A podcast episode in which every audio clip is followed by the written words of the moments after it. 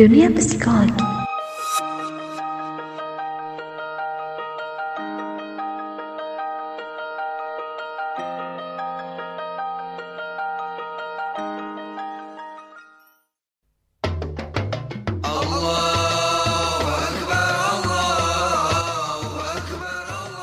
Assalamualaikum warahmatullahi wabarakatuh. Hai Sobat Dupi Listeners Terima kasih sudah mendengarkan podcast Dupi dan telah setia menantikan update kita sampai sejauh ini. Karena saat ini momen Hari Raya Idul Adha, maka saya Risa Saya Vidi. Dan saya Nina, beserta seluruh tim Spotify Dupi for Your Life dan seluruh keluarga besar Dunia Psikologi Group mengucapkan Selamat Hari Raya Idul Adha 1443 Hijriah untuk seluruh Sobat Dupi yang merayakan. Semoga kebaikan kita dinilai pahala oleh Tuhan Yang Maha Kuasa. Salam penuh cinta, dunia psikologi. Dunia Psikologi Satu dua telinga untuk berjuta-juta suara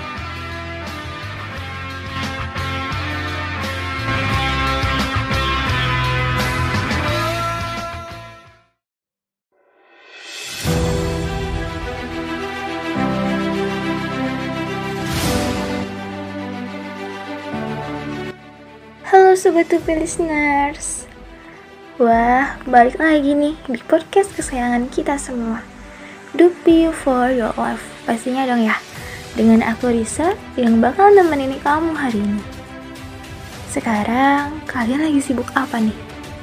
Atau mungkin ada sebagian dari kalian yang lagi liburan sekolah? Eh, bener kan ya? Semoga liburan kali ini kalian semua tetap semangat mandi pagi dan bantuin orang tua ya. Buat kamu-kamu sobat Dupi, khususnya yang ciwi-ciwi, aku mau tanya nih, kalian pernah gak sih ngalamin suatu keadaan di mana kalian ngerasa harus nyenengin orang lain? Ya, biar kamu bisa masuk dan diterima di lingkungan tertentu. Kemudian, lama-kelamaan, kamu merasa nggak enakan dan sulit untuk berkata tidak. Karena kamu takut mengecewakan orang lain. Dan dampaknya kamu tidak bahagia. Karena sikap menyenangkan orang lain ini berubah menjadi tuntutan dan kewajiban. Nah, Sobat Tupi, jika pernah, maka perasaan takut mengecewakan orang lain ini menjadi salah satu dari gejala good girl syndrome loh. Lalu, apa sih good girl syndrome itu?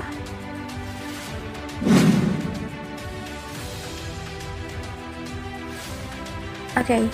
good girl syndrome merupakan suatu kondisi mental seorang wanita yang selalu takut untuk mengecewakan orang lain. Mereka akan selalu bertindak positif agar tidak dinilai buruk, tanpa memikirkan perasaannya atau bahkan haknya sendiri.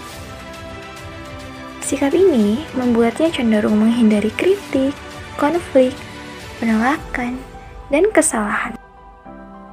Nah, kenapa bisa gitu ya? Oke, ketika seseorang terjebak dalam sindrom good girl ini, bisa jadi karena lingkaran terdekatnya, yaitu keluarga. Sejak kecil, prinsip demi prinsip ditanamkan yang menganggap perempuan dianggap baik apabila mengikuti aturan. Lebih jauh lagi, Kata sifat yang digunakan untuk menggambarkan perempuan baik adalah penyayang, hangat, ceria, berbicara lemah lembut, dan loyal. Sementara, kata sifat yang digunakan untuk menggambarkan laki-laki adalah mandiri, dominan, percaya diri, dan berani mengambil keputusan. Artinya, perempuan lebih dianggap good girl ketika mereka bersikap lemah lembut di sisi lain, laki-laki disukai apabila karakternya kuat. Dominasi laki-laki terhadap perempuan ini mengakar begitu kuat. Lihat saja bagaimana patriarki sudah tertanam. Kembali ke lingkaran terdekat, yaitu keluarga. Tidak sedikit yang menanamkan anggapan bahwa anak perempuan lebih matang secara emosional ketimbang anak laki-laki. Ketika sudah duduk di bangku sekolah, mereka juga dituntut lebih matang secara akademis. Saat sudah bekerja pun, perempuan dianggap baik ketika bersikap menyenangkan kepada orang lain. Sayangnya, Seluruh good girl syndrome ini justru bisa berakibat buruk bagi kesehatan mental. Ya, bisa terjadi karena sedari kecil.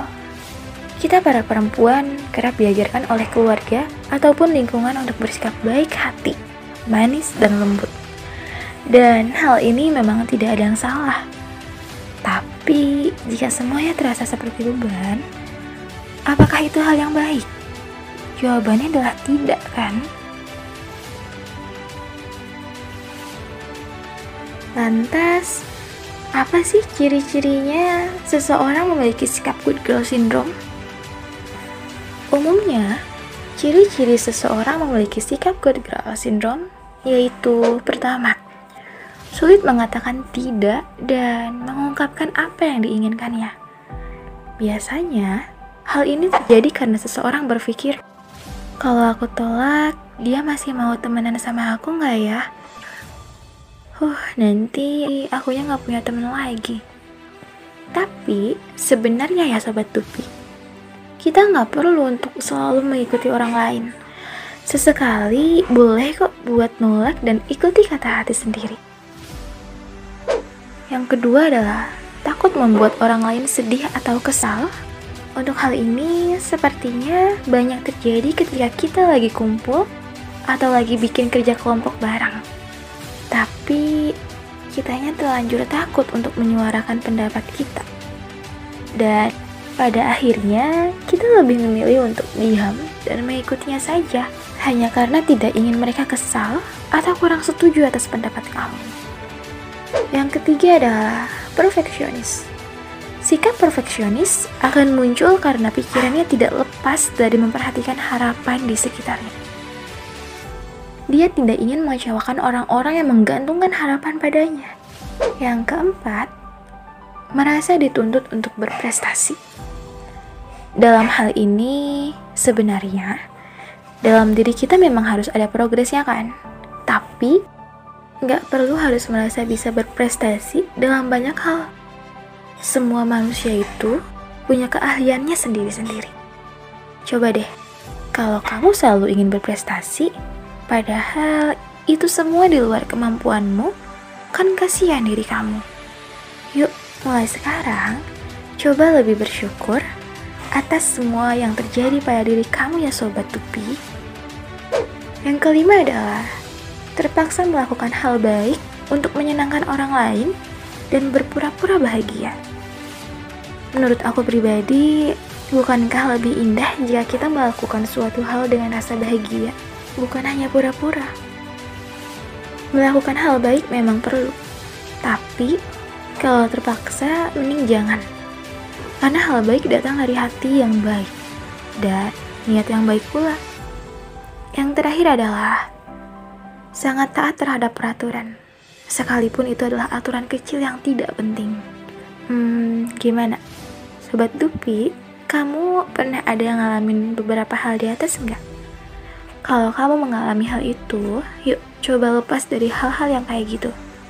Bukan maksud aku untuk mengiring kalian ke arah tidak peduli terhadap orang lain. Hanya saja, akan lebih baik jika kamu dapat menyeimbangi antara diri kamu sendiri atau orang lain. Dan buat kamu yang sudah terlanjur mengalami, kamu bisa mengatasi good girl syndrome ini jadi pribadi yang lebih kuat dan menerapkan tips-tips berikut. Yang pertama, coba melakukan introspeksi untuk mengetahui apa yang kamu sukai dan apa yang kamu inginkan, serta prinsip yang kamu pegang. Hal ini agar kamu tidak mudah digoyahkan oleh situasi sekitar. Yang kedua adalah latih diri untuk berani speak up dan berkata tidak pada orang lain. Kamu juga perlu mengkomunikasikan jika kebetulan kamu tidak punya waktu untuk menolong orang lain. Ini penting agar orang lain mengetahui kondisimu, serta mengetahui apa yang kamu sukai dan apa yang tidak kamu sukai. Tidak ada kata terlambat untuk melepaskan diri dari jeratan good girl syndrome. Ingat, tidak menjadi good girl tidak lantas berarti menjadi sosok yang kasar. Justru sebaliknya, perempuan yang kuat dan independen adalah mereka yang berani mengambil sikap. Tentu gak kalah penting, Perlakukan orang lain dengan cara yang sama seperti kamu ingin diperlakukan. Semoga cara-cara yang aku sebutkan barusan dapat membantu kamu ya Sobat Tupi. Aku berharap kalian selalu mensyukuri atas segala hal yang kamu miliki. Cukup sekian podcast hari ini. Jangan lupa ajak teman, keluarga, dan orang-orang terdekatmu untuk pantengin dan dengerin podcast Tupi for your life ya. Aku Risa, pamit undur diri. Salam penuh cinta dunia psikologi. Dunia psikologi, satu dua telinga untuk berjuta-juta suara.